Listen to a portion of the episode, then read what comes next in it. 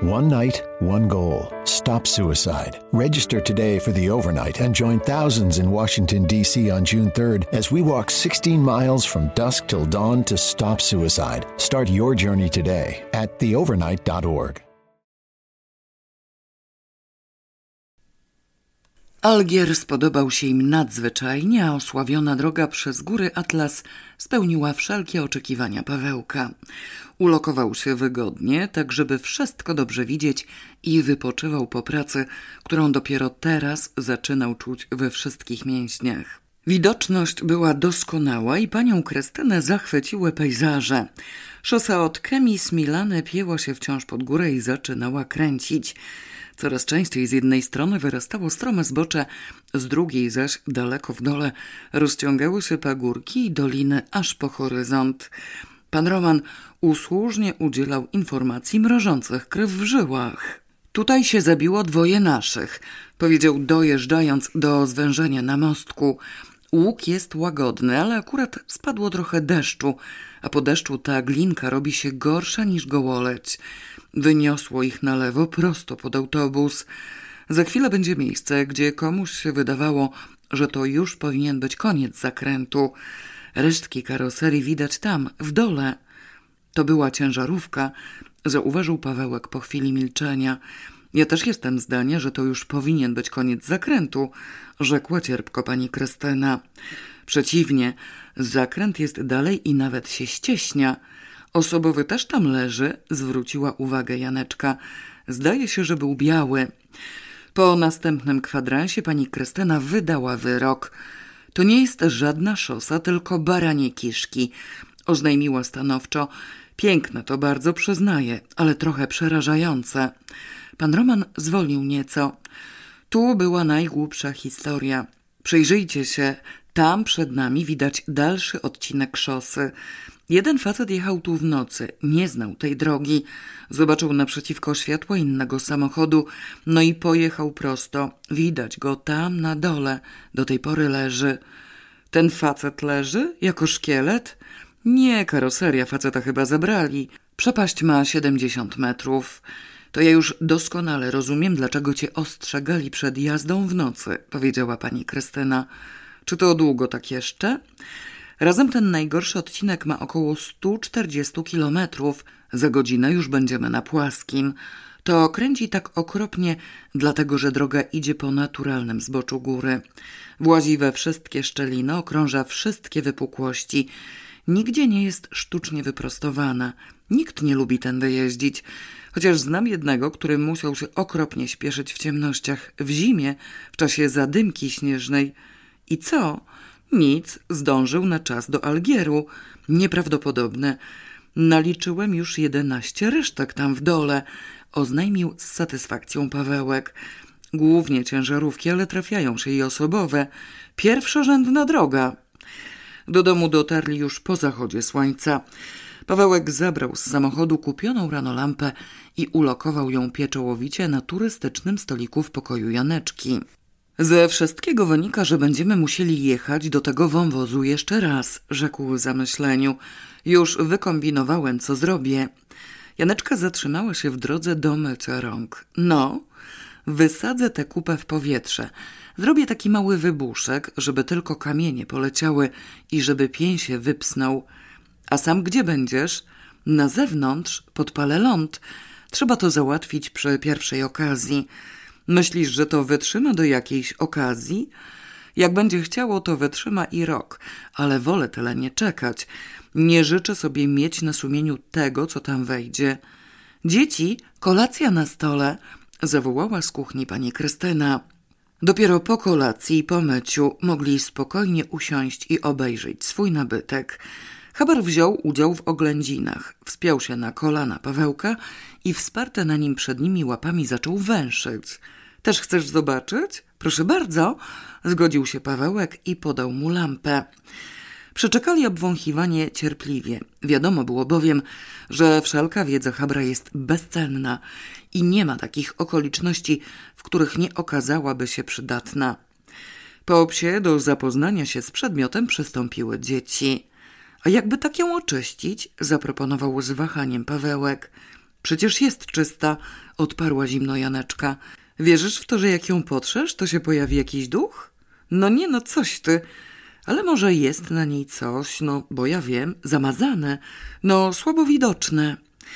Janeczka bez słowa obejrzała się, sięgnęła do ściennej szafy, którą miała za plecami i wywlokła z półki flanelowy kaftanik od piżamy. Pawełek odebrał jej kaftanik i z zapałem zaczął wycierać lampę. Janeczka przyjrzała mu się, odsunęła krzesło, poszła do łazienki i przyniosła pastę do zębów. Po namyśle wyszła z pokoju drugi raz i przyniosła proszek do prania i proszek do szorowania. Pawełek nie oponował przeciwko niczemu, kolejno wypróbowywał wszystkie środki czyszczące. Lampa była stara, ale po kilku minutach w niektórych miejscach zaczęła nawet błyszczeć. Dekoracyjne arabeski na podstawie wystąpiły wyraźniej, a tarcza przy zbiorniczku jęła odbijać światło. Pawełek uniósł lampę do góry i obejrzał jej spód. Ejże, zawołał żywo, popatrz, tu coś jest. Janeczka zajrzała pod spód, potem uniosła lampę, a zaglądał z kolei Pawełek.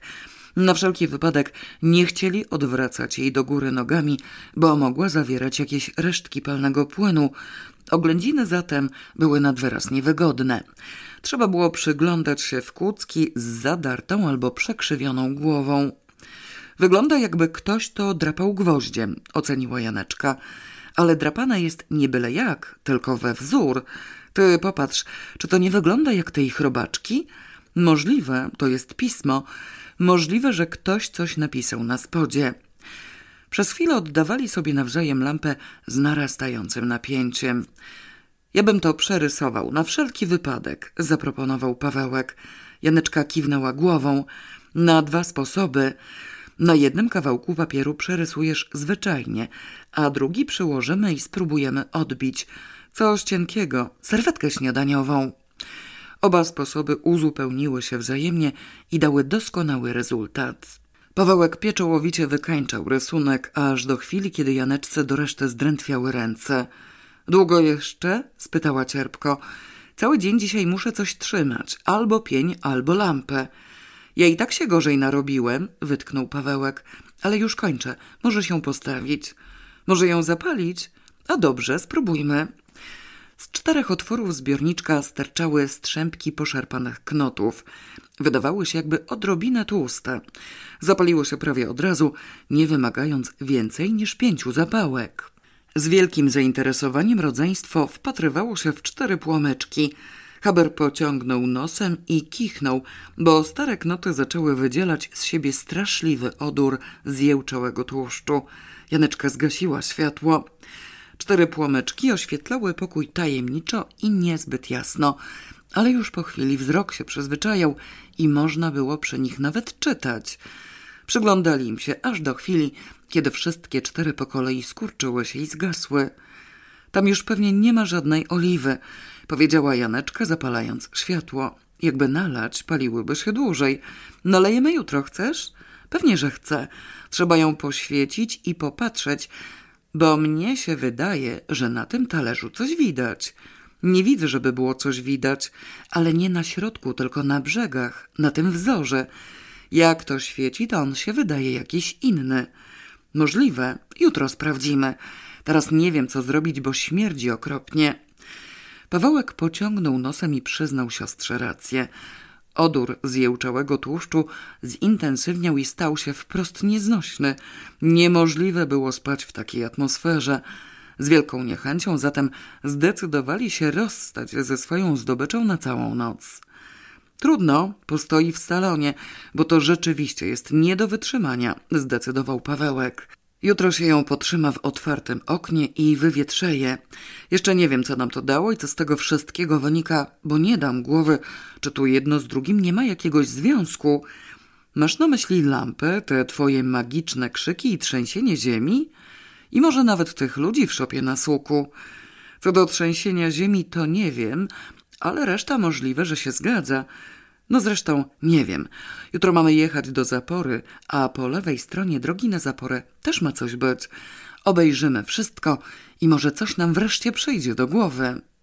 Upał był łatwiejszy do zniesienia dzięki wodzie. Pan Roman pokazał swojej żonie i dzieciom wodospad, do którego pojechali w towarzystwie jeszcze dwóch samochodów, ponieważ drogę znał dokładnie tylko pan Krzak, mieszkający na innym osiedlu obok pana Zwijka i pana Rogalińskiego. Pani Zwijkowa, która przyjechała przed miesiącem, nie widziała jeszcze wodospadu i również chciała go obejrzeć. Pan Krzak zatem poprowadził. Walący się z hukiem z wysokiej skały, srebrzysty strumień tworzył podnóża niewielkie, głębokie jeziorko, do którego można było skakać wprost z ogromnego kamienia.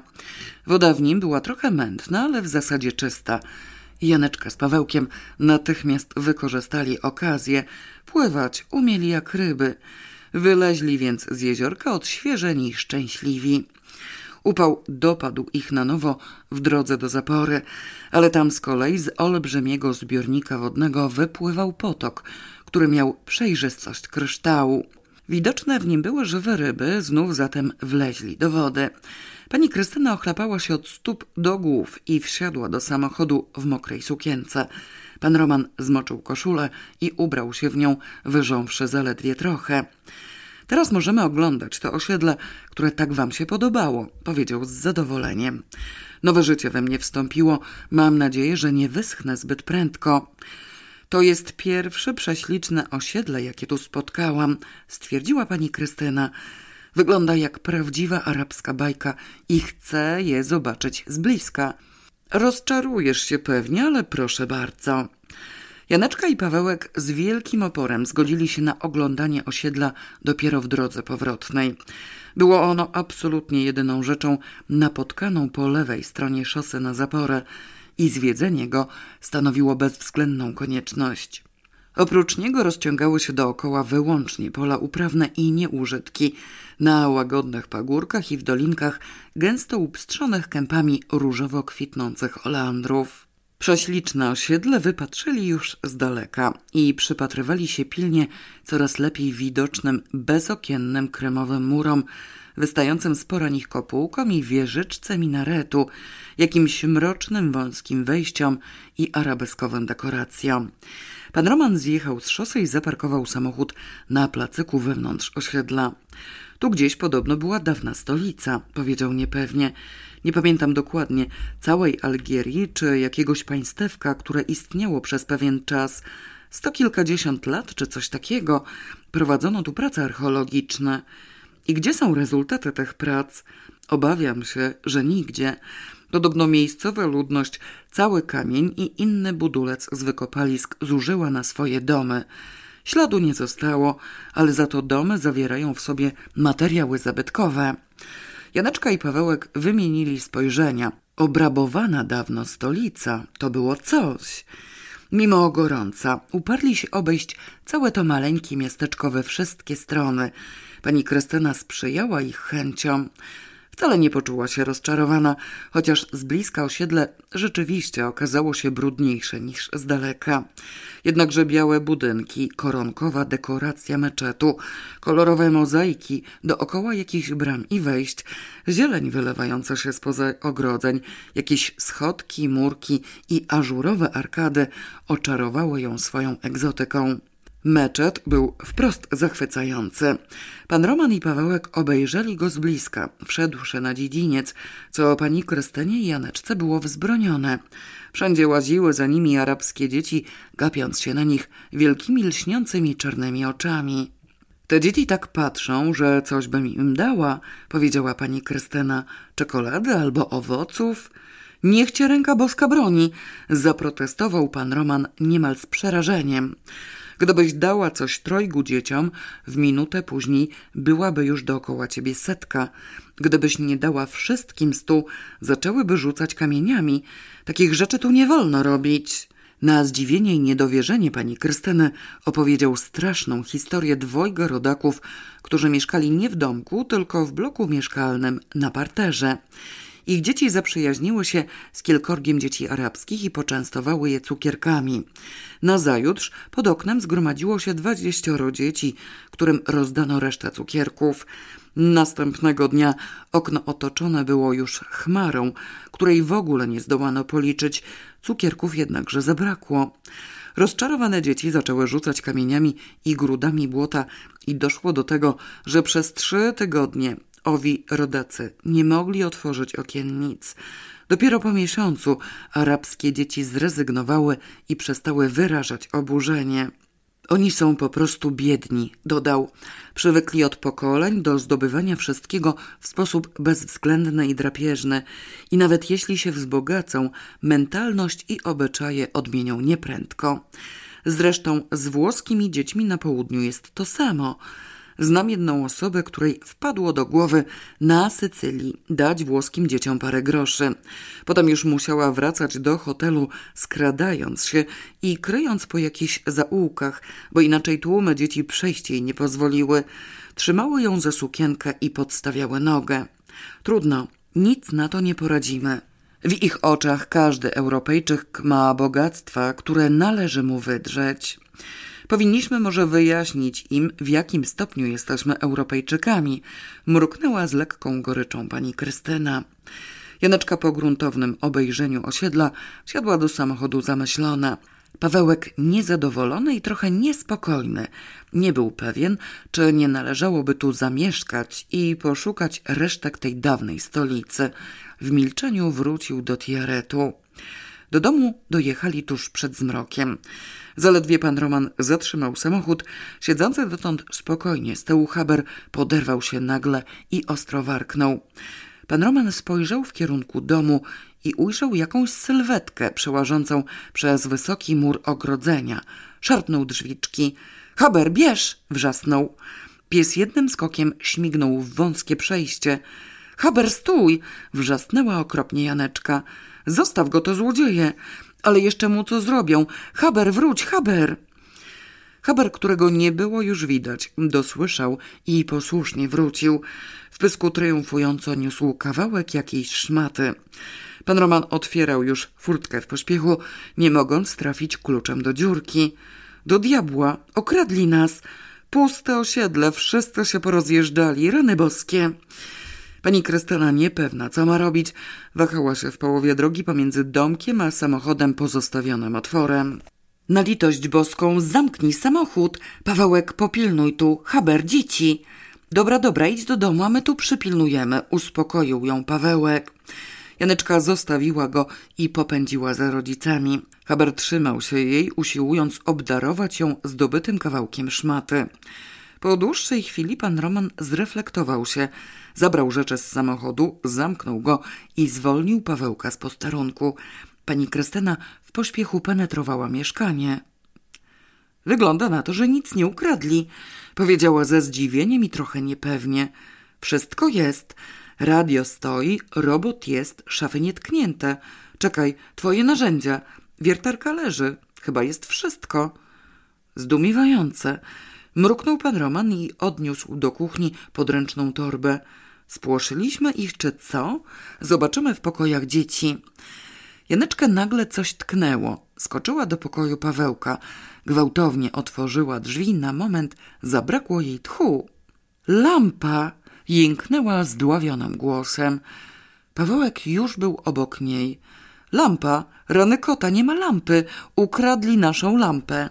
Gwałtowne i pośpieszne śledztwo wykazało, że lampa stała na pudle w pokoju Pawełka tuż przy oknie. Teraz jej tu nie ma. Nigdzie indziej także jej nie ma. Została zatem ukradziona. Okno było uchylone. Dlaczego zostawiliście otwarte okno? Zdenerwował się pan Roman. Co wam do głowy wpadło?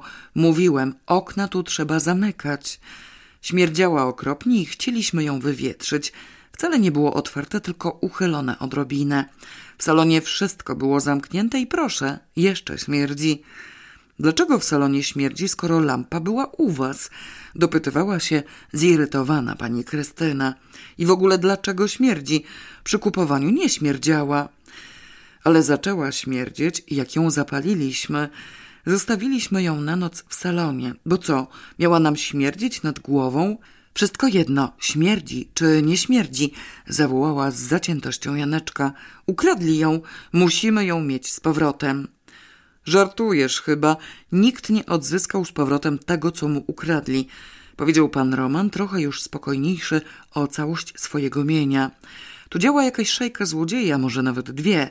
Okradają każdy dom pozostawiony bez opieki. Spłoszyliśmy ich widocznie, skoro nie ukradli nic więcej. Janeczka i Pawełek ponurym okiem łepnęli na ojca. Mieli na ten temat swoje zdanie.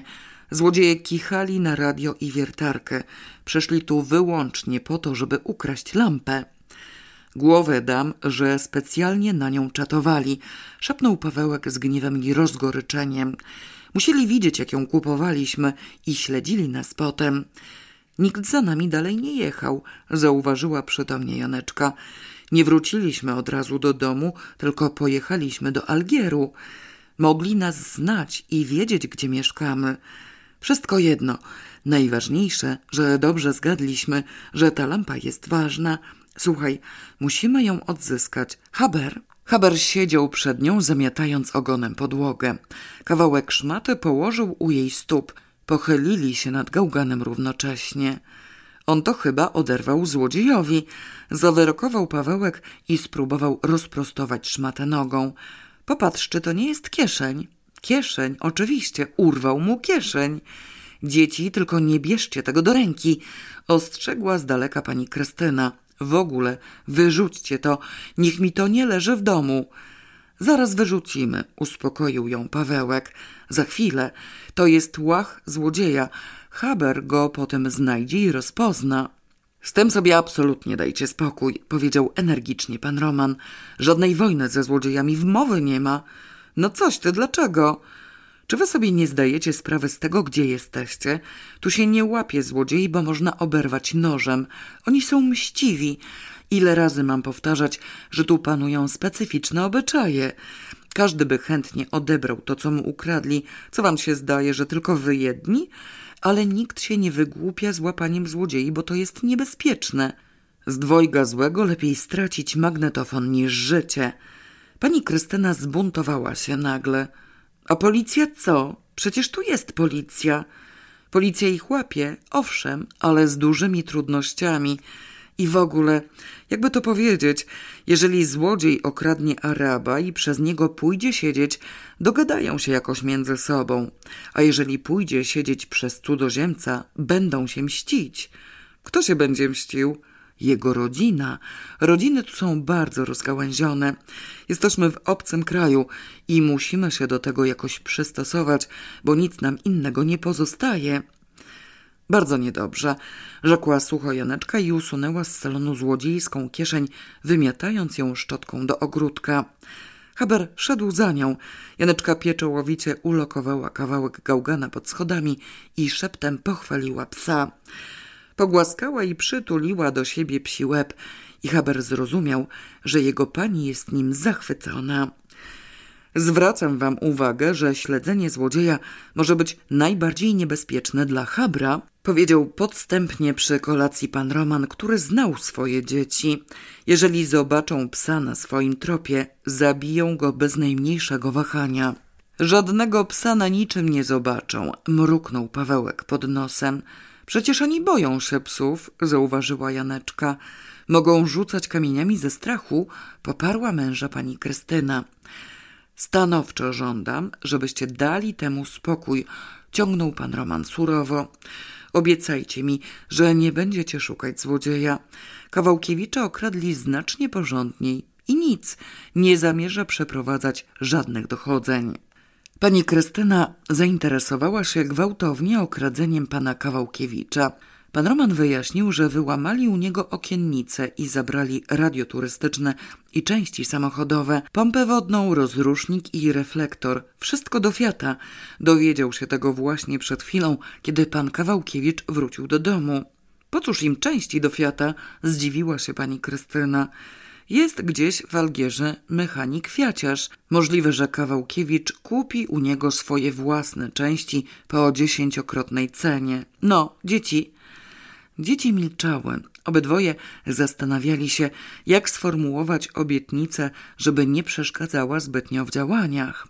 Obietnicę należało dotrzymać rzetelnie. Wszystko natomiast, co pomijała i czego nie dotyczyła, stanowiło czysty zysk.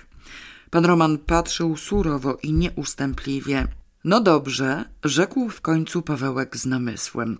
Możemy ci obiecać, że nie będziemy łapać tych złodziei gołymi rękami. Nie, nie, żadne takie. Potem się okaże, że nie było mowy o łapaniu ich w rękawiczkach. Doskonale wiecie, o co mi chodzi. Chodzi ci o to, żebyśmy się nie narazili na żadne niebezpieczeństwo, streściła wymagania ojca Janeczka. To ci możemy obiecać granitowo. Wcale się nie zamierzamy narażać na jakieś niebezpieczeństwa. Mamy co innego na głowie. A pewnie, przeświadczył z przekonaniem Pawełek. Gotów jestem kupić wam inną lampę, skoro tak wam zależy na lampie. Nie chcemy innej, chcemy tę, na litość boską. Chwileczkę, wtrąciła się nagle pani Krystyna. Ja sobie życzę innej obietnicy. Mnie mianowicie proszę obiecać, że w żadnym wypadku i w żadnych okolicznościach nie oddalicie się od Habra. Pies będzie zawsze razem z wami. Inaczej nie oddalicie się ode mnie. Więc co wolicie, ja czy pies? Pan Roman spojrzał na żonę z wielkim uznaniem. Janeczka i Pawełek popatrzyli na nią podejrzliwie. Pies, zdecydowała Janeczka, ma lepszy węch niż ty. W ogóle, w porównaniu z psem, to ty się nie liczysz, dodał Pawełek. Dobra, obiecujemy, ani kroku bez habra. Zastanowiłam się już dokładnie, oznajmiła Janeczka półgłosem, wchodząc wprost z łazienki do pokoju Pawełka. Nie warto, żebyś się mył teraz. Potem i tak będziesz brudny. Nie możemy czekać do jutra. Też tak uważam, zgodził się Pawełek. Oni zaraz jadą oglądać ramadan w nocy, bo to już ostatnie dni. Mamy drugi klucz od drzwi, ale nie mamy klucza od furtki, więc trzeba będzie przeleść przez ogrodzenie. Pawełek skrzywił się niechętnie. Niepotrzebnie ojciec zagrodził ten miejski kawałek siatką. Wszystkie inne domy są ogrodzone w połowie, a tylko nasz dookoła. Nie wiem po co mu to było. Żeby krowy nie wchodziły. Nie szkodzi, mógł przeleść złodziej, możemy i my. Dzisiaj Haber wywęszy wszystko i będziemy wiedzieli, co robić, a jutro mogłoby mu być trudniej. Księżyc świeci, jest całkiem widno. Dowiemy się możliwie dużo i potem się zastanowimy, co dalej. A możliwe, że oni od razu dzisiaj coś zrobią. Co zrobią? Dlaczego dzisiaj? Bo skąd wiesz, co na tej lampie było wydrapane? A oni będą wiedzieli, już wiedzą. Jestem pewna, że umieją czytać po arabsku. O rany, masz rację, to już. Czekaj, niech odjadą. Państwo Chabrowiczowie odjechali w chwilę potem, pozostawiając dzieci w domu i zamykając za sobą furtkę na klucz. Jestem pewien, że ich za chwilę diabli gdzieś wyniosą, powiedział pan Roman z niepokojem zapalając silnik. Co ty masz za pomysły? Jestem pewna, że Haber ich przypilnuje, odparła pani Krystyna stanowczo. Nie pozwoli im zrobić nic głupiego, a oni są mu posłuszni o wiele bardziej niż nam. Nie narażą go na żadne niebezpieczeństwo za nic w świecie, a jeżeli uda im się zorientować, kim są ci złodzieje, tego się właśnie boję najbardziej, a ja nie, dzieciom nic nie zrobią, a godzić się na okradanie to jest po prostu obrzydliwe. Wy naprawdę nie wiecie, kto tu kradnie? Skąd mamy wiedzieć? Policja się pewnie domyśla, ale to za mało. Muszą mieć dowody. Powiem ci, że jestem przerażony tą swobodą naszych dzieci. Nie denerwuj mnie. Uważam, że najlepiej będzie z nimi współpracować. Dowiemy się potem dyplomatycznie, co osiągnęły i może uda nam się uchronić ich od najgorszego. W każdym razie wierzę w psa. Przedostanie się przez ogrodzenie w miejscu, gdzie pan Habrowicz pomiędzy murem a domkiem przymocował siatkę, nie było zbyt skomplikowane. Haber od dawna przywykł do różnych ćwiczeń akrobatycznych i teraz przeskoczył siatkę z łatwością, odbiwszy się od pleców Pawełka. Znalazłszy się na zewnątrz, podetknęli mu pod nos kieszeń złodzieja umieszczoną w plastikowej torebce. Szukaj, piesku, szukaj i prowadź.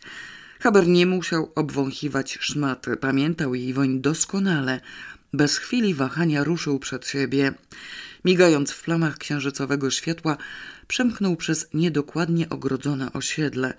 Przeskoczył przez nasyp toru kolejowego. okrążył olbrzymie, straszliwie cuchnące śmietnisko. Przebiegł przez szosę i wpadł w dziurę w ogrodzeniu starego cmentarza. Że też nie obejrzeliśmy tego cmentarza w dzień, mruknął Pawełek, przełażąc za psem. Trudno, może jutro obejrzymy. Przytrzymaj mi te patyki.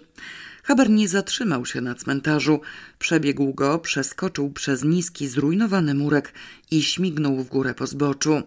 Janeczka zatrzymała się na chwilę dla złapania oddechu.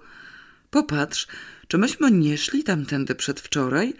Spytała zadyszana, wskazując zbocze rozciągające się na prawo od nich za głębokim rowem. Pawełek również przystanął na chwilę i popatrzył.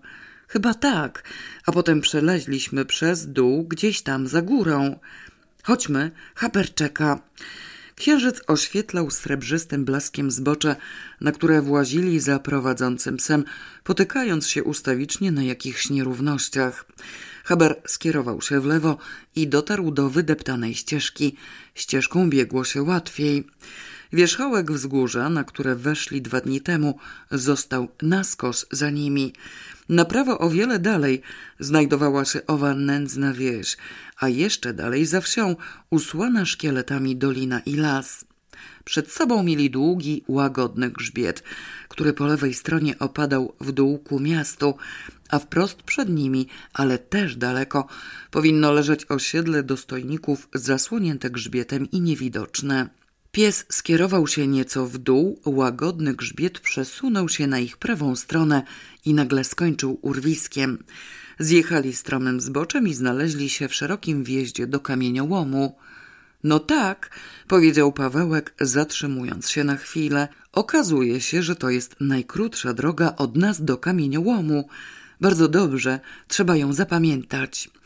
Haber biegł dalej, znów pod górę krawędzią kamieniołomu, powyżej drogi, którą wracali z pierwszej wycieczki. Rozpoznali łagodne zbocze, oglądane wówczas przez lornetkę. Przed nimi były slamsy. Teren był tu nierówny, wszędzie wznosiły się jakieś skałki i kamienie rzucające czarny cień. Nieco wyżej połyskiwały słabe światełka. Haber wciąż dążył prosto przed siebie, teraz jednak szedł wolniej, ostrożnym, skradającym się krokiem. Wykorzystując plamy cienia, podeszli za nim aż do budynków. Nędzne, brudne, zaśmiecone osiedle nie spało jeszcze. Pomiędzy glinianymi lepiankami kręcili się ludzie. Gdzie niegdzie błyszczało światło. Prawie wszyscy siedzieli przed domkami i jedli pod gołym niebem. Hałasowali i rozmawiali, przekrzykując się wzajemnie.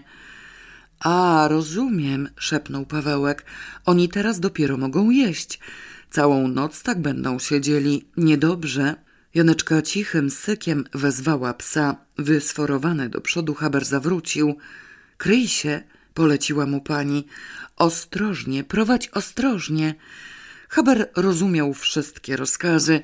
Ruszył znów do przodu powoli, ale pewnie, niekiedy przypadając do ziemi i kryjąc się w cieniu. Dzieci skradały się za nim. Haber ominął gwarną lepiankę, której mieszkańcy posilali się, siedząc wprost na gołej ziemi i za nią dotarł do następnej cichej i prawie ciemnej. Przemknął pod wejście, zatrzymał się, wyciągnął pysk, uniósł przednią łapę i wyprężył się jak struna. Następnie obejrzał się na Janeczkę. Jest, szepnęła Janeczka z triumfem. Tutaj mieszka złodziej. Chodź, piesku. Haber wrócił, ale wyraźnie był niezadowolony. Niecierpliwie wykazywał zamiar pójścia jeszcze gdzieś dalej. Czekaj, chwileczkę, zatrzymał go Pawełek. Trzeba popatrzeć. Lepianka wydawała się pusta, chociaż w środku świeciło słabe światełko. Być może i mieszkańcy poszli chwilowo z wizytą gdzieś obok. Otwarta była całkowicie. Nędzny, zniszczony murek otaczał część mieszkalną, składającą się, sądząc z rozmiarów, z jednej małej izby. Pawełek zaryzykował. Pilnujcie tu! Szepnął i przemknął ku wejściu, prawie niewidoczny w ciemnościach. Zajrzał ostrożnie do środka, przez chwilę nie było go wcale widać, po czym znów się pojawił. Obraz nędzy i rozpaczy, oznajmił szeptem. Nic tam nie ma, ani naszej lampy, ani w ogóle nic. Leży tylko marynarka złodzieja. Sprawdziłem z oberwaną kieszenią, ale złodzieja też nie ma. Pewnie, że nie ma, bo Haber chce iść dalej. Złodziej tu mieszka. Był, posiedział i poszedł sobie gdzie indziej. Dobrze, piesku, prowadź. Haber ruszył wprost do kamieniołomu. Oddaliwszy się nieco od osiedla, mogli posuwać się szybciej i mniej ostrożnie.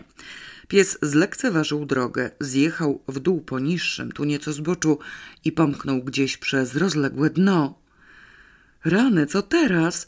Jęknął Pawełek, kiedy Haber zatrzymał się wreszcie obok czarnej wielkiej dziury w skalistym kawałku przeciwległego zbocza. Co tu ma być? Nie wiem, odparła zdyszana Janeczka, uważnie obserwując psa. Czekaj, to jeszcze nie koniec. Czekaj, już rozumiem. Ten złodziej też tu był i coś chyba robił, bo zatrzymał się na dłużej, ale już go nie ma, poszedł dalej. Haber każe iść dalej. Co tu robił? Czekaj no, przecież to kamieniałom. Janeczka złapała oddech i umysł jej się rozjaśnił. Spróbowała zajrzeć do czarnej dziury. Poświeć! Mieliśmy nie świecić, jeszcze kto zobaczy. Ja zasłonia, ty poświeć w środku. Pawełek wlazł do dziury i zapalił reflektorek, usiłując osłonić trochę strumień światła. Dziura była niezbyt wielka, mieściła się w kamieniach, czy też w popękanej skale. Część miała płetszą, rozszerzającą się nieco w prawo, a część wchodzącą gdzieś w głąb ostrym klinem. Z lewej strony, w samym wejściu, wybrzuszała się wielka kamienna buła. Kamieniołomy i skarby, powiedział Pawełek ponuro, gasząc latarkę i wyłażąc na zewnątrz. Ja stąd nie odejdę, będę tu siedział do rana, aż się rozwidni. I co ci przyjdzie z tego siedzenia? Nie wiem, coś zobaczę. Może on tu co schował. A może on stąd coś zabrał. Trzeba go znaleźć wreszcie i popatrzeć, co robi. Zobaczyć, jak wygląda. Haber wie, gdzie on jest. Możemy tu przyjść rano drugi raz. Przypuszczenie, że złodziej mógł stąd coś zabrać, zaniepokoiło Pawełka mocno. Oderwał się od dziury i ruszył za psem. Haber przede wszystkim podbiegł do szopy stojącej obok dużego baraku. Obiegał ją, powęszył przy drzwiach. Poinformował, że złodziej tu był. Zaglądał, ale nie wszedł do środka, po czym ruszył dalej jakąś okrężną drogą po zboczu kamieniołomu i poniżej nędznego osiedla wleźli na jakąś górę. Potem zsunęli się trochę w dół. Przebiegli jakiś pusty teren, potem wzdłuż jakichś murków. Ominęli coś, co wyglądało jak plac budowy. Stracili kompletnie orientację i nagle, ni z tego nizowego, po przeciśnięciu się jakby wąskim korytarzykiem pomiędzy wysokimi murkami, znaleźli się na zwyczajnej, dość znośnie oświetlonej ulicy. Byli w mieście. Haber, czekaj, zawołała półgłosem Janeczka. Rozejrzeli się, tej części miasta nie znali wcale. Były to niewątpliwie peryferie ze starą zabudową, oświetlone raczej marnie, z nielicznymi sklepikami i małą ilością ludzi kręcących się po nierównej i dziurawej jezdni znajdowali się gdzieś w górze. Tiaret leżał niżej. Zatrzymany Haber niecierpliwił się i popędził. Dobra, idziemy, mruknął Pawełek. Rynek jest chyba gdzieś tam jakoś trafimy. Wolniej, bo się będą na nas gapić, ostrzegła Janeczka. Haber skręcił w zaułek prostopadłe do ulicy i doprowadził wreszcie do jakiegoś wejścia zawieszonego zasłoną z kolorowych pasków. Za paskami widać było jasno oświetlone pomieszczenie, w którym kilka osób siedziało w kucki i piło kawę. Tuż przy paskach, tyłem do nich, tkwił złodziej. Nie było co do tego najmniejszych wątpliwości. Haber dotarł do niego i wystawił go z dokładnością zgoła zegarmistrzowską. Potem cofnął się bez szelest, nie obejrzał na Janeczkę i usiadł dumny i triumfujący. Mamy go, szepnął Pawełek, przylepiony do jakiegoś murku i ukryty w cieniu. Co teraz? Teraz to ja na niego popatrzę, a ty się rozejrzyj, co tu jest dookoła, poleciła Janeczka. Weź habra. Pawełek oderwał się od murku i znikł. Wciśnięta w kąt pomiędzy dwiema ścianami, prawie na wprost zasłonę z pasków, Janeczka nie odrywała oczu od złodzieja. Stwierdziła, że jest raczej chudy i ma czarną, kędzierzawą czuprynę. Czarne kędzierzawe czupryny mieli tu wszyscy i większość nie była gruba. Usiłowała dostrzec w nim jakieś znaki szczególne albo chociaż zapamiętać odzież. Marynarka jak marynarka, jakaś ciemna, chyba granatowa. Nad marynarką wystaje brzeżek żółtej koszulki. Obserwowany z dziką zachłannością złodziej podniósł się nagle i ruszył gdzieś w głąb pomieszczenia. Bez sekundy namysłu Janeczka padła na kolana tuż przy wejściu i przytknęła oko do kolorowych pasków. Tym jednym okiem ujrzała, że złodziej zatrzymał się, nagarnął sobie coś do ręki z niewielkiego półmiska stojącego na niskim stole i wrócił na swoje miejsce. Na krótką chwilę zobaczyła jego twarz. Zdążyła się cofnąć w swój ciemny kąt, akurat w momencie, kiedy skądś pojawiło się dwoje dzieci, które wbiegły za zasłonkę. Nie zauważyły jej. W pół minuty później zmaterializował się Pawełek. No wiewamy stąd, szepnął rozkazująco. Gazu! Już po kilkunastu krokach znaleźli się u szczytu wąskich, przeraźliwie długich i stromych schodów, prowadzących gdzieś daleko w dół. Schody były dość ciemne. Górną ich część rozjaśniał księżyc, w dolnej świeciła jedna lampa. Dlaczego gazu? spytała Janeczka w połowie schodzenia, macając nogą i przytrzymując się muru. Bo co się stało? Nic się nie stało, tylko widziała mnie jakaś baba. Wlazłem do cudzego domu. I co tam było? No więc to miejsce, gdzie trafiliśmy, to był chyba tył jakiegoś sklepiku. Sklepik jest od frontu, od ulicy. Mur dookoła, więc to chyba dom mieszkalny. Dalej jest drugie wejście. Dookoła są takie same domy, ale już bez sklepików. Wlazłem do jednego i akurat jakaś baba wynosiła przypalony garnek. Spojrzała na mnie, ale nic nie zdążyła powiedzieć. To był dziedziniec. Gdzie dziedziniec? Tam, gdzie siedziałaś. I tam powinno być jakoś więcej tego domu. Trochę trudno się połapać, bo ciemno. Umilkli na chwilę, przepuszczając ludzi, bo na wąskich schodach trzeba było wymijać się ostrożnie. To teraz ja ci coś powiem, powiedziała Janeczka, kiedy znaleźli się wreszcie prawie na dole pod świecącą latarnią. Widziałam go z frontu. Pawełek aż się zatrzymał. I co? I wiesz, kto to był? W życiu nie zgadniesz. Pawełek z niesmakiem spojrzał na siostrę. Jeżeli to nie był nikt z naszych, na przykład ojciec albo pan Kawałkiewicz, to mógłby być to ktoś, kogo razem widzieliśmy. Handlarz z suków Mahdi? Nie, nie handlarz, tylko ten z krzywym okiem. Ten, który dawał znaki i wszedł do budy z płachty i wyszedł pierwszy. Owszem, właśnie na suków Mahdi. Pawełek milczał i przez krótką chwilę przetrawiał informacje – Wracamy na górę, zarządził. Zwariowałeś? Po co? Tam musi być nasza lampa. Jest ciemno, źle widać, ale poszukajmy. Do kitu zupełnie. Nic nie zrobisz, wszyscy na nogach i urządzają sobie przyjęcie. Nie wepchniesz się przecież pomiędzy tych wszystkich ludzi. I co, chcesz się koniecznie pokazać złodziejowi? To uważasz, że mamy ją tam zostawić, a jeżeli ją gdzieś wyniosą, Haber za nimi wszędzie trafi.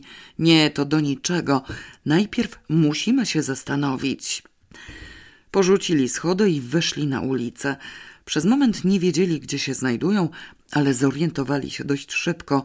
Ruszyli w kierunku rynku. Tu dopiero widać było nocne życie w miasta w okresie ramadanu.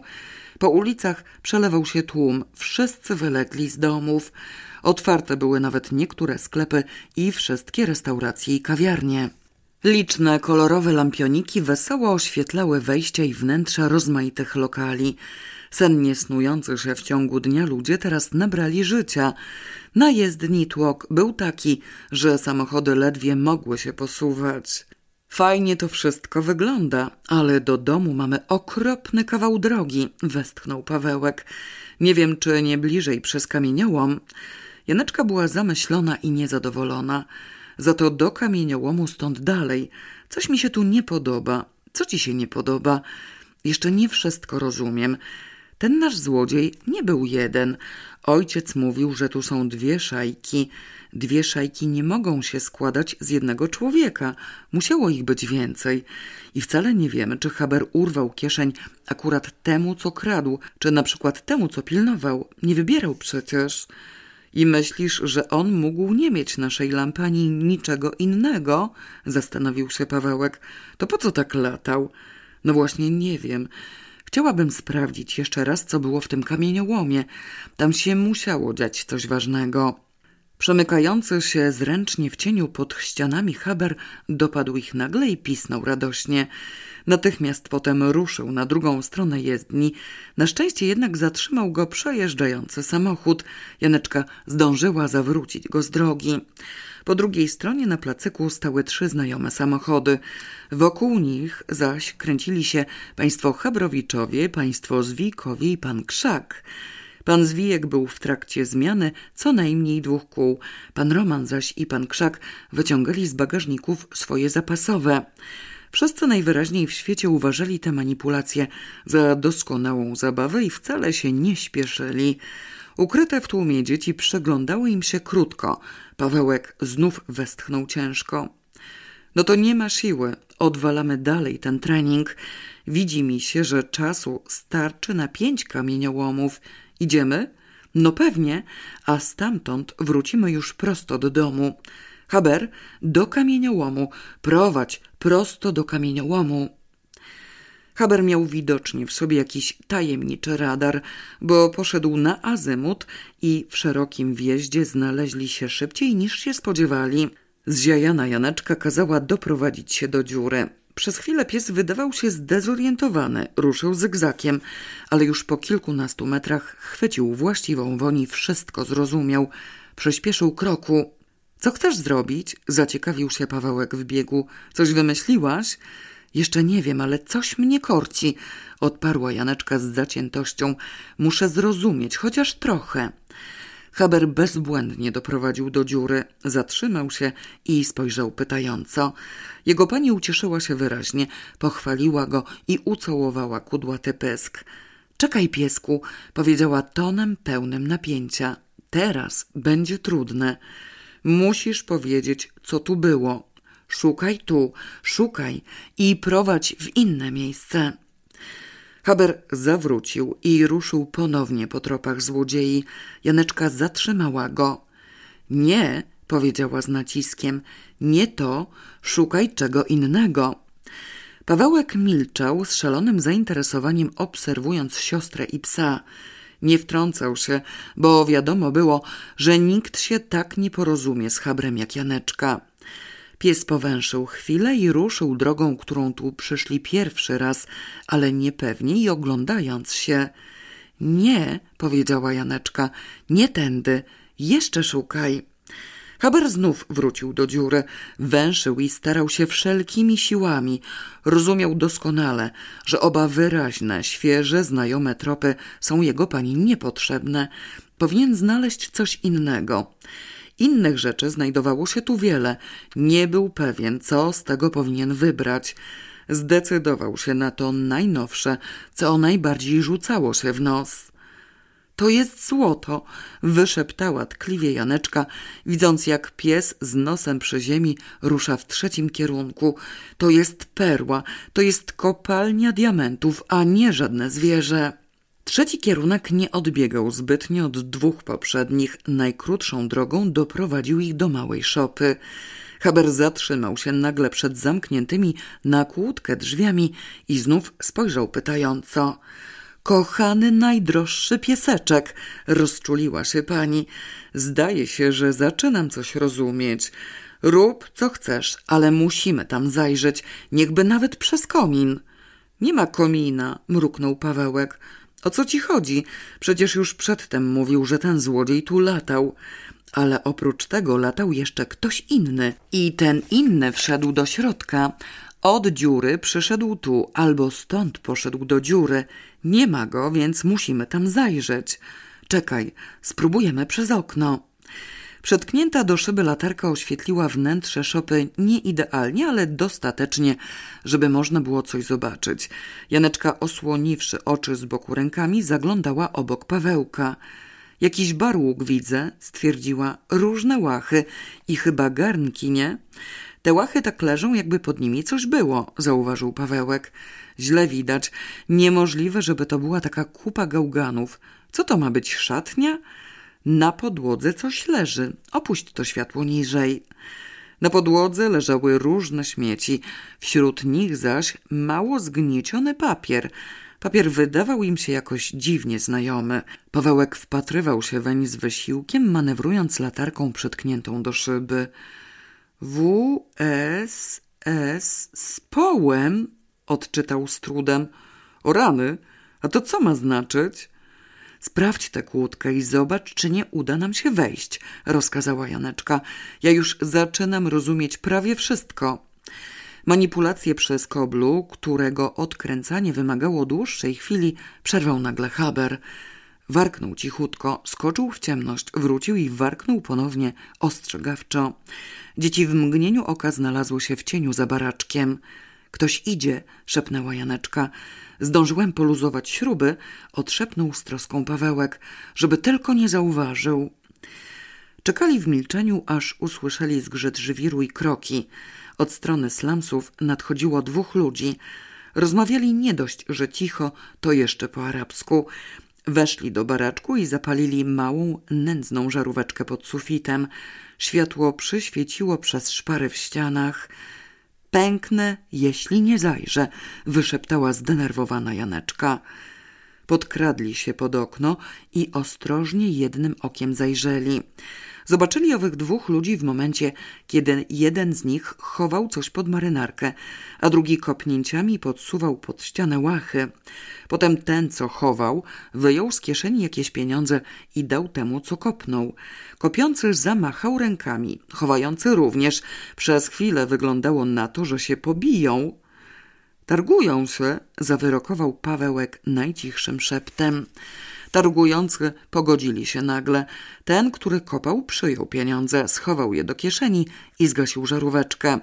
Opuścili baraczek, zamknęli drzwi i oddalili się tą samą drogą, jaką przyszli. Obaj wydawali się bardzo zadowoleni. Jedno, co wiem na pewno, to to, że to nie była nasza lampa, rzekł Pawełek, wychodząc z cienia. Też już zaczynam trochę rozumieć. Nasza lampa razem z tym twoim talerzem nie zmieściłaby mu się pod marynarką. W ten papier były owinięte te pompy i rozruszniki pana Kawałkiewicza, przypomniała Janeczka. Widzieliśmy to na własne oczy.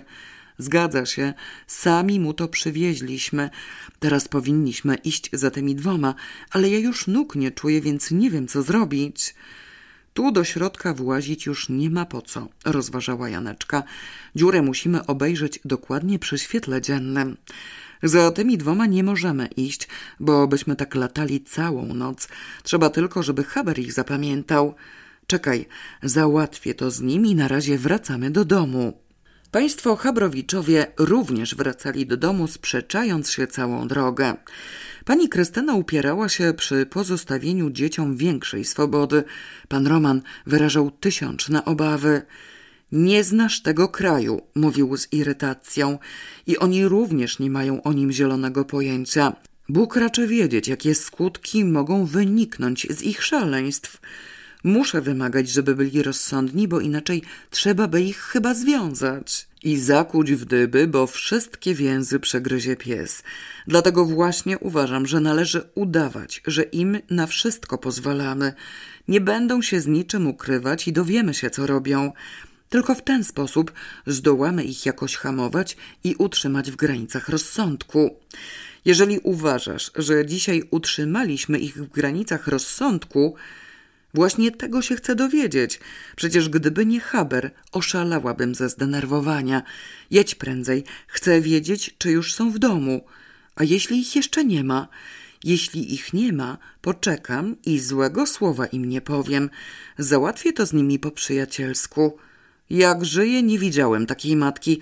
Ty chyba jesteś nienormalna. Przy takich dzieciach nie mogę być normalną matką.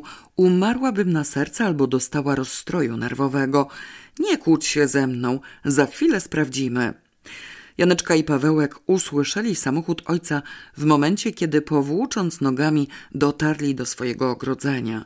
Ożywienie wstąpiło w nich tak, jakby mieli za sobą tydzień całkowitego wypoczynku, a nie kilometry galopady po górach i dołach. Przytłumiony trzask drzwiczek samochodowych dobiegł ich już w przedpokoju. Państwo Chabrowiczowie zastali swoje dzieci w piżamach, siedzące w kuchni i posilające się owocami. Trochę zastanawiającym mógł się wydać jedynie fakt, iż spożywali brzoskwinie nożem i widelcem. Pan Roman doznał ulgi zgoła niebotycznej. Pani Krystyna odczuła lekkie zdziwienie. Jak to? wyrwało się jej. Nigdzie nie wychodziliście? Byliśmy na małym spacerze, odparła niewinnie Janeczka. Z Habrem nie oddalił się od nas nawet na milimetr. I zgłodniliśmy od tego, dodał Pawełek, dziobiąc widelcem następną brzoskwinię. W duszy pana Romana zalęgły się nagle jakieś straszliwe podejrzenia, ale na wszelki wypadek wstrzymał się przed ich ujawnieniem. Niepewnie spojrzał na żonę. Pani Krystyna zrobiła się odrobinę zakłopotana. Bo wiecie, powiedziała trochę bezradnie, przyszło mi na myśl, y, przyszło mi na myśl, że bardzo rzucacie się w oczy z tymi włosami. Takich jasnych tu nikt nie ma. Widziałem jednego rudego, zakomunikował Szawełek, ale faktycznie miał ciemniejsze i w dodatku kręcone. No właśnie, więc w razie, gdybyście się pchali nie tam, gdzie trzeba, wszyscy na was zwrócą uwagę. Nie wytrzymał pan Roman. Co to ja takiego... E, a, ja też zgłodniałem. Zjadłbym coś. Z wielką skwapliwością dzieci ustąpiły miejsca rodzicom. No to teraz możemy wreszcie umyć ręce, westchnął półgłosem Pawełek, puszczając do wanny strumień wody. Mam nadzieję, że udało nam się przy tym jedzeniu niczego nie dotknąć. I chociaż nogi, powiedziała Janeczka, tylko prędko, bo zaczną się dziwić, że myjemy się po raz drugi. Nie mogę się jeszcze połapać, jak to było, powiedział Pawełek nazajutrz rano. Coś mi się widzi, że ci złodzieje okradają się wzajemnie. Ten nasz chyba schował dla siebie rzeczy pana Kawałkiewicza i prywatnie sprzedał temu z szopy. Okropnie tajemniczo to robił. Ukrył je przed szajką, przeświadczyła Janeczka. Jestem tego zupełnie pewna. Możliwe, że ma spółkę z tym z szopy.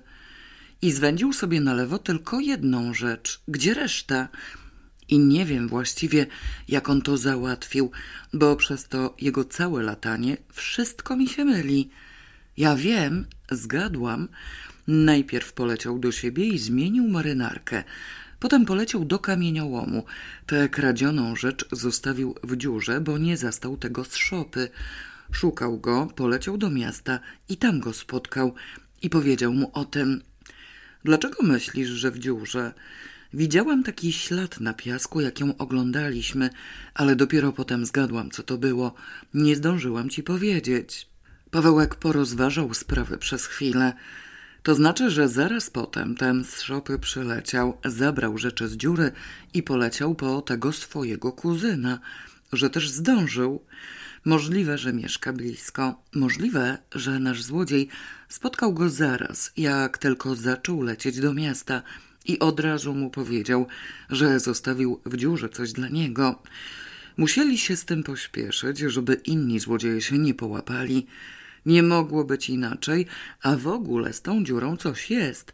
Haber w niej coś węszył. Tę rzecz węszył, nie? Nie wiem, trzeba sprawdzić. Dzieci, jadę z wizytą do pani Ostrowskiej, powiedziała pani Krystyna, zaglądając do pokoju Janeczki. Wrócę dopiero na obiad. Chcecie jechać ze mną? Nie, idziemy na spacer w inną stronę, odparła Janeczka, zanim Pawełek zdążył się odezwać.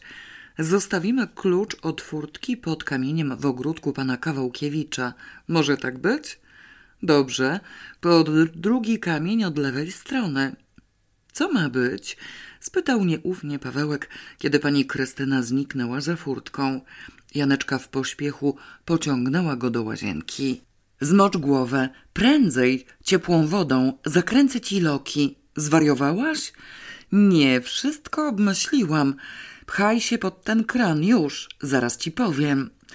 Osłupiały Pawełek wsadził głowę pod kran. Janeczka ściągnęła z wieszaka ręcznik i rzuciła go bratu. Trochę tylko wytrzyj, nie za bardzo i siadaj na stołku. Matka miała rację, rzucamy się w oczy. Z tymi włosami trzeba coś zrobić. Co niby chcesz zrobić? Janeczka w mgnieniu oka przyniosła z pokoju pani Krystyny zakrętki do włosów. Po pierwsze, trzeba twoje zakręcić. Posiedzisz na słońcu i w pół godziny wyschną. Długo się to nie utrzyma, ale wystarczy do obiadu. Ja sobie upnę warkoczyki, one tu je noszą i uczernimy się. Weźmiemy tę hennę, którą mamusia kupiła na suku, a w przyszłym tygodniu jej odkupimy. Z czarnymi włosami nikomu nie wpadniemy w oczy. Będę wyglądał jak idiota. No to co? Musimy iść po lampę. Siedź spokojnie. No dobra, ale czy same włosy wystarczą?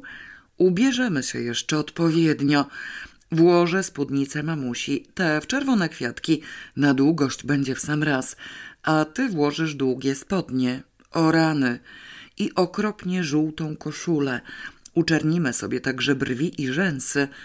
Nie chodzi o to, żebyśmy byli piękni, żeby to było trwałe, tylko żeby na pierwszy rzut oka nikt nie zgadł, że to my. Gdyby ktoś chciał się przyjrzeć dokładniej, damy nogę. Poddając się posłusznie zabiegom fryzjerskim, Pawełek oceniał pomysł siostry. Po zastanowieniu musiał przyznać, że jest doskonały. Te jasne włosy były najbardziej rażące. Po uczernieniu przestaną się rzucać w oczy. Opaleni są oboje tak, że niewiele się różnią od dzieci arabskich. Oczy tylko mają nieodpowiednie niebieskie, podczas gdy wszyscy tutaj mają wielkie i czarne. Może byłoby dobrze włożyć ciemne okulary, podsunął. Nie widziałam ani jednego dziecka w ciemnych okularach. Jeszcze czasem dorośli, ale też mało. Zresztą zobaczymy. Powinniśmy mieć plastikowe sandały. Oni tu wszyscy chodzą w plastikowych sandałach. Na sandały już nic nie mogę poradzić. Nie kupimy ich przecież w tej chwili. Zresztą zanim wyschniesz, zobaczę, czy się nie da naszych pomalować na niebiesko albo na różowo. Będą wyglądały jak plastikowe. Da się, dlaczego nie? Lakierem do paznokci na przykład. Lakieru do paznokci to już nam matka nie daruje. To czymś innym. Czekaj, pastą do zębów z tą niebieską henną. Dosypie się i wymiesza i zrobi ci taką farbę do butów, że hej! Bardzo dobry pomysł. Wynoś się teraz na słońce. Przyniosę ci wszystko, co trzeba, bo ja nie muszę schnąć. Usiadłszy na schodkach i wystawiwszy głowę na słońce, Pawełek zabrał się do roboty. Biała pasta do zębów, wymieszana na spodeczku z odrobiną niebieskiej henny, przeistoczyła się w piękną, błękitną farbę. Rozmazanie jej palcem po dwóch parach sandałów stanowiło wręcz samą przyjemność. Janeczka przystąpiła do manipulacji przed lustrem w łazience. Wysypała sobie na głowę trochę czarnego proszku z buteleczki i zaczęła to wcierać we włosy. Już po krótkiej chwili miała kompletnie czarne ręce i czarną skórę. Włosy natomiast zabarwiło się nieznacznie. Spróbowała zwilżyć to wszystko. Pomogło, ale niewiele. Rozejrzała się po łazience i sięgnęła po krem Nivea. Krem Nivea dał efekt wspaniały. Włosy Janeczki zrobiły się nie tylko czarne, ale także lśniące i gładko ulizane. Urodowana zaplotła je w cztery warkoczyki, których końce przypięła sobie na czubku głowy szpilką. Następnie, bez chwili namysłu, rozmazała sobie hennę na brwiach i dookoła oczu. Rezultat był niesamowity. Jej wielkie niebieskie oczy w straszliwie czarnej oprawie zrobiło się jeszcze większe i jeszcze jaśniejsze. Kiedy je mrużyła, zaczynała rzeczywiście wyglądać jak arabska dziewczynka, z czarnymi warkoczykami, z opaloną na brązowo twarzą, z czarnymi brwiami i rzęsami. Otwarcie ich jednakże niweczyło całą arabskość. Zmartwiona i zatroskana nieco Janeczka porzuciła łazienkę i zmieniła strój. Pozostawiwszy sobie własną bluzkę z krótkimi rękawkami, włożyła spódnicę pani Krystyny. Spódnica obciśnięta na żebrach opadała jej aż do połowy łydek.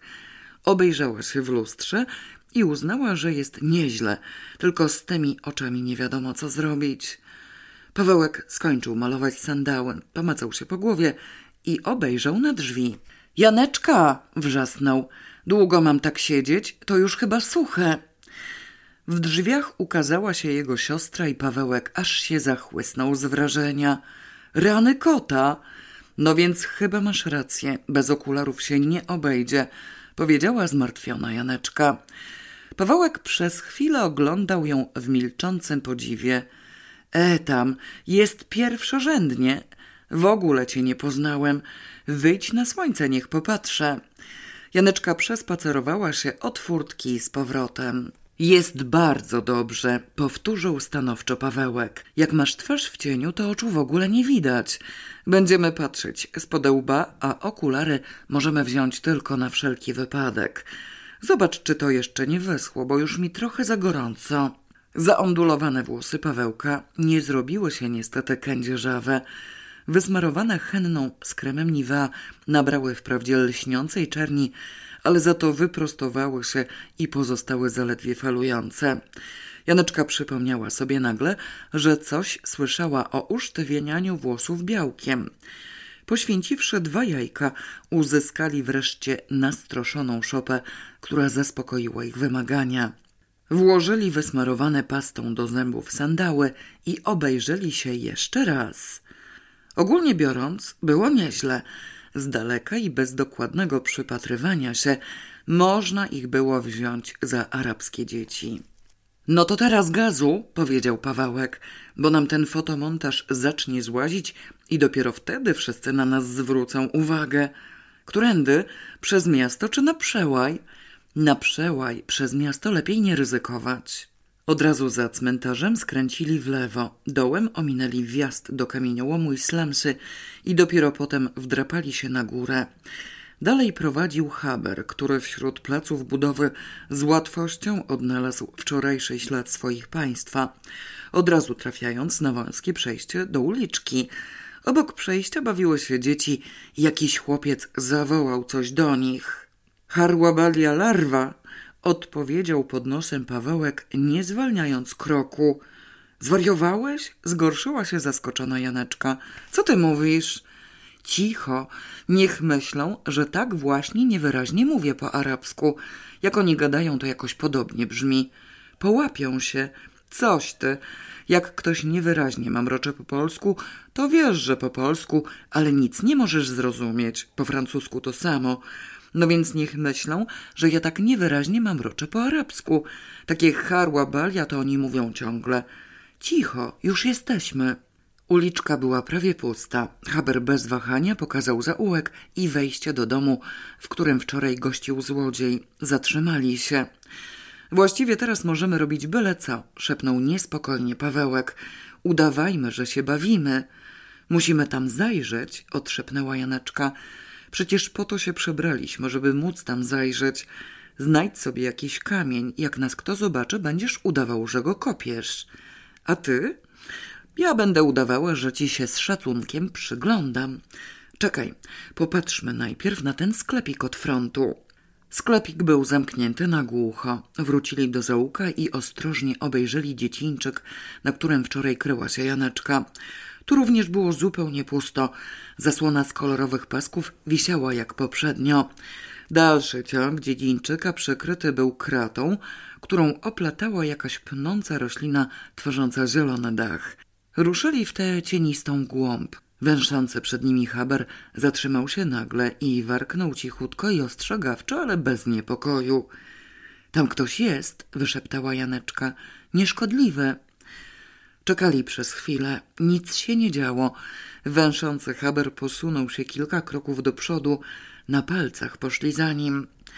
Kolejne wejście również zawieszone było pstrokatymi paskami, odsuniętymi nieco na boki, tak, że można było zajrzeć do środka. Po słonecznym blasku wnętrze wydawało się ciemne, ale już po chwili wzrok przyzwyczajał się do mroku. Na niskim materacu spał jakiś człowiek. Pod ścianą stały nieliczne meble, na środku niski stoliczek, a z boku widać było kolejny otwór drzwiowy.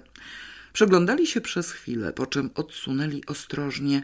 Janeczka pociągnęła Pawełka za rękaw i wycofali się aż na ulicę.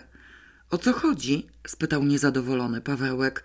Jak będziemy tak włazić i wyłazić? Cicho! syknęła Janeczka. Przykucnęła i zaczęła wybierać z pod muru drobne kamyczki. Pawełek przykucnął obok niej. Nie zdążył już o nic zapytać, bo na uliczce pojawił się jakiś człowiek. Wyszedł z sąsiedniego domu. Obojętnie przeszedł obok nich i oddalił się w kierunku stromych schodów. Janeczka patrzyła za nim. Źle robimy, szepnęła, kiedy już znikł im z oczu. Trzeba wysłać Habra. On mówi, że tam jest więcej ludzi, nie tylko ten śpiący. Ktoś nas w końcu zobaczy. No to co? Nie rozpozna, a na Habra zwrócą uwagę. Coś to on się schowa. Haber, który w momencie pojawienia się obcego człowieka gdzieś znikł, znalazł się teraz nagle obok nich. Janeczka objęła psa za szyję. Lampa, piesku, szukaj lampy. Tam, szukaj lampy. Wątpliwe jest, czy pies znał znaczenie słowa lampa, ale słyszał to słowo wielokrotnie i w jego psiej pamięci trwał straszliwy odór zjełczołego tłuszczu, ściśle z nim związany. Łagodnie uwolnił łeb z ramion Janeczki i znikł w dziedzińczyku. Czekali w napięciu. W każdym razie ciszej chodzi niż my, mruknął Pawełek. Haber wrócił po kilku chwilach. Trochę był niespokojny, ale równocześnie zadowolony. Zażądał, żeby iść za nim. Znalazł! wykrzyknęła szeptem Janeczka i poderwała się. Czekaj! zatrzymał ją Pawełek. Niech on tylko pokaże gdzie i potem niech tu pilnuje. Musimy wiedzieć, czy ktoś nie idzie. Dobrze, prowadź piesku ostrożnie. Znów weszli na dziedzińczek. Haber ominął oba wejścia z zasłonami i poprowadził wprost do trzeciego ostatniego. Zasłona w nim składała się z szerszych pasków poprzeplatanych koralikami. Oglądał się na boki i wyraźnie pokazywał, że dookoła czuje ludzi, którzy mu się nie bardzo podobają. Janeczka zatrzymała go tuż przed wejściem. Haber, czekaj, zostań, pilnuj tu. Delikatnie odsunęli paski i zajrzeli. Pokój urządzony był bogato. Na podłodze leżał dywan. Pod ścianami stały dwa niskie tapczany i kilka stolików. W kącie połyskiwał ekran wielkiego telewizora. Na prawo znów były drzwi, podsunęli się ku nim na palcach, odsunęli następną koralikową zasłonę. Okien nie było tam nigdzie, światło wpadało wyłącznie przez owe otwory wejściowe. W tym ostatnim pomieszczeniu oświetlający otwór znajdował się dalej na wprost. Wychodził zapewne na jakiś inny dziedziniec, bo padało przezeń słońce. Od razu ujrzeli w kącie za wąską szafką cały stos rozmaitych rzeczy. Jakieś magnetofony, radia turystyczne, części samochodowe, narzędzia, turystyczny telewizor, elektryczną maszynkę do kawy, wiertarkę udarową i mnóstwo innych przedmiotów. Poświęcili im zaledwie sekundę uwagi, bo obok tego stosu znajdował się jeszcze jeden niski stoliczek, na nim zaś stała ich lampa. Poznali ją od razu. Bierzemy i w nogi, szepnął energicznie Pawełek bez chwili namysłu. Sięgnął po łup i w sekundę później paski zasłony zamknęły się za nimi. Koraliki zadźwięczały cichutko. Wymknęli się na dziedzińczyk. Haber, uciekać, rozkazała Janeczka szeptem. Haber był wyraźnie zdenerwowany. Ledwie zdążyli znaleźć się na ulicy, warknął ostrzegawczo. Janeczka natychmiast znów przykucnęła pod murem. Pawełek z lampą w objęcia przykucnął obok niej i przykrył zdobycz szeroką spódnicą matki. Trzęsącymi się rękami gmerali w kamyczkach i zaschniętych kawałkach gliny. Haber znikł tajemniczym sposobem. Dwóch Arabów w europejskich ubraniach i turbanach ukazało się nagle nie wiadomo skąd. Przeszło obok nich i wkroczyło do wejścia, które przed chwilą opuścili. Janeczka kątem oka dostrzegła, że obaj przyjrzeli się im dość uważnie, ale nie podejrzliwie. Jazda, syknął Pawełek, już nas tu nie ma. Haber! krzyknęła szeptem Janeczka, podrywając się spod muru. Nie wiadomo jakim cudem Haber był już przed nimi i pędził do schodów, skręcił na nie bez namysłu. Skąd ten pies wie, którędy chcemy uciekać? sapnął Pawełek. Czekaj, coś trzeba zrobić. Ludzie są na dole. Nie mogę tego nieść na wierzchu. Janeczka rozpostarła spódnicę. Daj tu, okręcę ją tym. Zaczęli zbiegać ze schodów jak mogli najszybciej. Owinięta fałdami spódnicę pani Krystyny Lampa tłukła Janeczkę po kolanach. Pawełek zbiegał pierwszy, nastawiony na to, że lada chwila siostra runie mu na plecy. Na szczęście schody były puste. Nikt poza nimi nie wchodził ani nie schodził. Wyskoczyli na ulicę z takim impetem, że o mało nie wpadli pod przejeżdżający właśnie samochód. Haber, który znalazł się na dole najwcześniej, pisnął radośnie. O rany, matka! jęknął Pawełek. Ja się muszę gdzieś schować, wysyczała dziko Janeczka. Nie utrzymam jej dłużej. Samochody, za byle którym samochodem. Polecę kupić torbę i zaraz cię znajdę. Pies niech pilnuje. Przejeżdżająca razem z panią Ostrowską pani Krystyna zauważyła dwoje arabskich dzieci, które wybiegły na jezdnię i na szczęście zdążyły się cofnąć przed samochodem. Dostrzegła w dzieciach coś, co zwróciło jej uwagę, ale kiedy spojrzała we wsteczne lusterko, już ich nie było widać. Odniosłam wrażenie, że ta dziewczynka miała na sobie moją spódnicę, powiedziała z wahaniem. Pani Ostrowska przyglądała się sklepom i nic nie zauważyła. To jest tu, zawołała. Zaparkuj gdziekolwiek, to jest ten sklep z wełną. Powinni jeszcze mieć ten zgniły moher. Pani Krystyna wcisnęła się pomiędzy dwa samochody i obie poszły kupować wełnę w przepięknym, zgniło-zielonym kolorze. Wychodząc po dokonaniu zakupu, spotkały w drzwiach znajomą Węgierkę.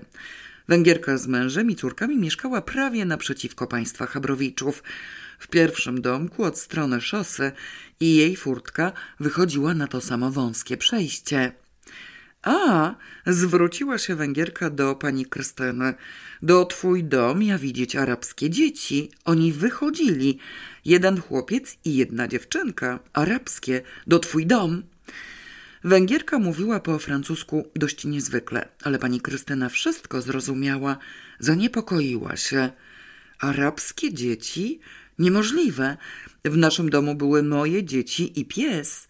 Ja nie widzieć pies. Arabskie dzieci. Dwa. Oni wychodzili przez drzwi ogródek. Co ona mówi? Zainteresowała się pani Ostrowska. Rozumiem po francusku piąte przez dziesiąte. Mówi, że z naszego domu wychodziły jakieś arabskie dzieci. Arabskie dzieci, oni może kraść, powtórzyła ze współczuciem Węgierka. Ale oni nie mieli nic, puste ręce, ale oni wychodzili. Jezus Mario, rzeczywiście, może co ukradłe. Zaraz wracam do domu. Dziękuję bardzo, już jadę. Jadę z tobą, powiedziała pani Ostrowska. Zresztą nic mi innego nie pozostaje. Jestem bez samochodu. Piechotą przecież nie będę leciała. Odwiedzisz mnie potem? Oczywiście, ale najpierw zobaczymy, co się tam dzieje.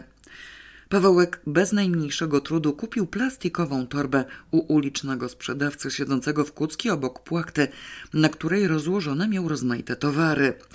Symulując mrukliwość i nie odpowiadając na jego gadanie, wziął pierwszą z brzegu, zapłacił dinara i odbiegł. Rozejrzał się, dostrzegł psa, który na niego czekał i po chwili był przy Janeczce. Ukryci pomiędzy zaparkowanymi samochodami wepchnęli lampę do torby i z ulgą przenieśli na chodnik. Popatrzyli na siebie. O, niech ja kichnę, powiedział zaniepokojony Pawełek. Krem z gorące zaczął się rozpuszczać. Lśniące warkoczyki Janeczki nabrały szarowego koloru, a odporna na upał henna rozmazała się jej po całej twarzy. Na głowie Pawełka wymieszane z kremem białko zmiękło i odebrało włosom sztywność. Z czoła spływały mu tłuste, czarne krople. Przez to wszystko zrobili się wprawdzie ogólnie czarniejsi, ale zaczęli wyglądać nieco dziwnie i jakoś nienaturalnie. Jeżeli ja mam na twarzy to samo co ty, to musimy wracać przez pola, stwierdziła smętnie Janeczka. Nie wiem, jak to zrobimy, żeby się zdążyć umyć przed obiadem. Coś się wykombinuje, odparł Pawełek pocieszająco.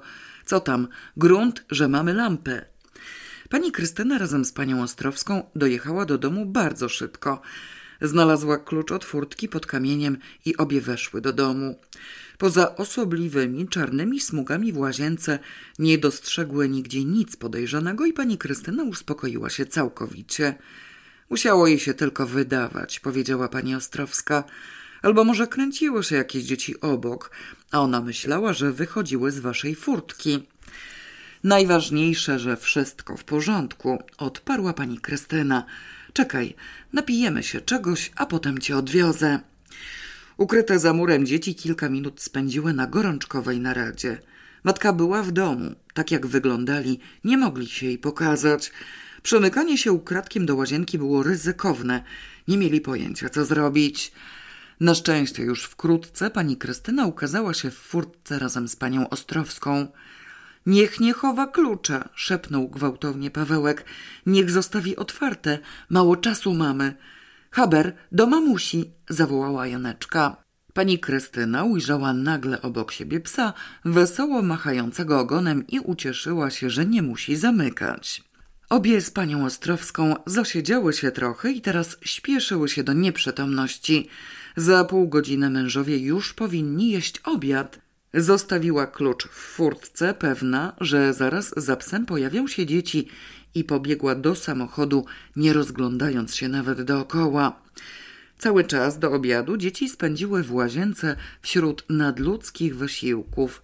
Nie wszystko jednak udało im się osiągnąć. Henna była złośliwa i uparta. Z twarzy, brwi i rzęs zeszła, usunięta mleczkiem kosmetycznym pani Krystyny. Co do włosów natomiast, najpierw nie chciała się na nich trzymać, potem zaś nie chciała ich opuścić. W rezultacie Janeczka i Pawełek wyglądali jak mocno przykurzeni. Na głowach pozostała im jakaś podejrzana szarość. Na szczęście okna w salonie były zasłonięte dla ochrony przed słońcem i panował żółtawy półmrok. Odmyte z pasty do zębów sandały schły w ogródku. Dopiero po obiedzie mogli spokojnie popatrzeć na swoją lampę. Pani Krystyna poszła z wizytą do Węgierki, żeby wyjaśnić sprawę arabskich dzieci.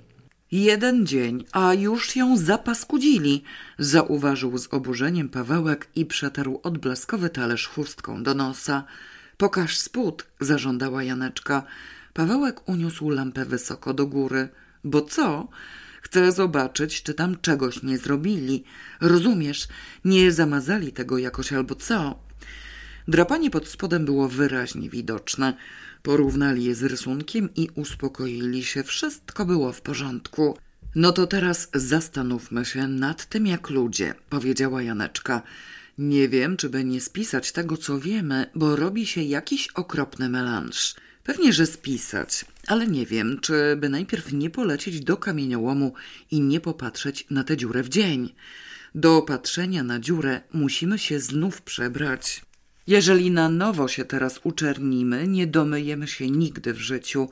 Nie, najpierw się zastanówmy. Dobra, weź jakiś papier. No więc po pierwsze, zaczęła Janeczka, kładąc przed sobą blok papieru listowego. Złodzieje złodziejami. Złodziejstwo to zwyczajna rzecz, ale tu wszystko jest jakieś pokręcone i tajemnicze. Mnie się wydaje, że ta szajka nie tylko kradnie, a co jeszcze? Nie wiem, możliwe, że szuka skarbu. Pawełek posępnie pokiwał głową. Zgadza się. Jeżeli ktoś z naszych dowiedział się, że tu są skarby, obojętnie gdzie, niemożliwe, żeby ci tutejsi o tym nie wiedzieli. Ja też myślę, że szukają. Musi to być nieźle skomplikowane, skoro nie mogą znaleźć. Lampa im była do tego potrzebna. Nie wiem dlaczego jej sami nie kupili, tylko czekali, aż my kupimy, żeby nam ukraść. Mogli nie mieć pieniędzy. No coś ty. A przypomnij sobie, że ten kupiec chciał za nią tysiąc dinarów i sprzedał ją za scyzoryk. Połaszczył się, a możliwe, że nie wiedział, że ona ma coś wspólnego ze skarbem. Czekaj, już wiem. Kupiec nic nie wiedział, a ci, co wiedzieli, nie chcieli się jej czepiać, żeby mu nie podsuwać jakichś podejrzeń. Udawali, że ona ich nic nie obchodzi i że im wcale na niej nie zależy. Pewnie myśleli, że on obniży cenę i za jakiś czas kupią ją zwyczajnie, przy byle jakiejś okazji. Tymczasem on się skusił na scyzorek i myśmy ją kupili z nienacka, więc czym prędzej musieli nam ją ukraść. Pawełek kiwał głową, przyświadczając wywodomianeczki. Żejka składa się z paru części. Zapisuj. Po pierwsze, ten z krzywym okiem. Jedne kąt szachty miał na suku w Mahdi, w tej budzie z płachtami. Drugie w kamieniołomie z tym z szopy. Trzecie tam na górze, gdzie była lampa. I wszystkie inne kradzione rzeczy, przypomniała Janeczka. Widziałeś, co tam było? To złodziejski magazyn. A pewnie możliwe, że o tym powinniśmy jednak powiedzieć ojcu. Puknij się. No może nam się uda jakoś dyplomatycznie. Czekaj, po drugie, ten taki stary z Magdi, ten co wyszedł z tej szmacianej budy jako drugi. Tu go nie widzieliśmy, więc to musi być odrębne odgałęzienie. Po trzecie ten z kamieniołomu. Handluje z jakimś następnym i sprzedaje podwójnie kradzione rzeczy. Po czwarte, ten dom na górze, ten złodziejski magazyn.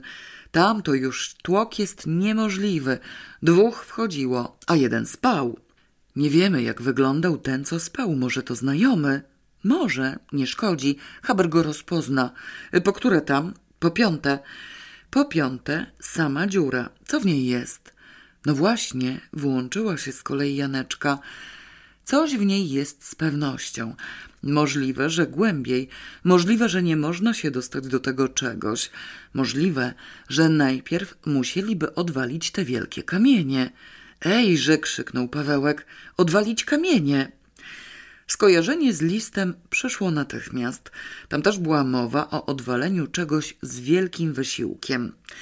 Popatrzyli na siebie i obydwoje poczuli nagły dreszcz wzruszenia. Jestem pewien granitowo, że to to, zawyrokował Pawełek z przejęciem. Kamień przy tej dziurze trzeba odwalić. No dobrze, a co ma do tego lampa? Lampa, lampa. Czekaj, do czego może być lampa? Lampa powinna świecić. Wiem, zawołała gorączkowo Janeczka. Przypomnij sobie różne rzeczy. Bywa tak, że jak lampa świeci, to w tym świetle coś się pokazuje. Rozumiesz? Tu światło, a tam cień. I jak się jakoś tam specyficznie świeci, to coś zaczyna wychodzić. Bardzo dobrze, tak musi być. Zaświecimy lampę w dziurze. Janeczka wpatrywała się w blok listowy, intensywnie rozmyślając. Po chwili zażądała pokazania strzępka listu. To właściwie jest prawie wszystko, rzekła z namysłem.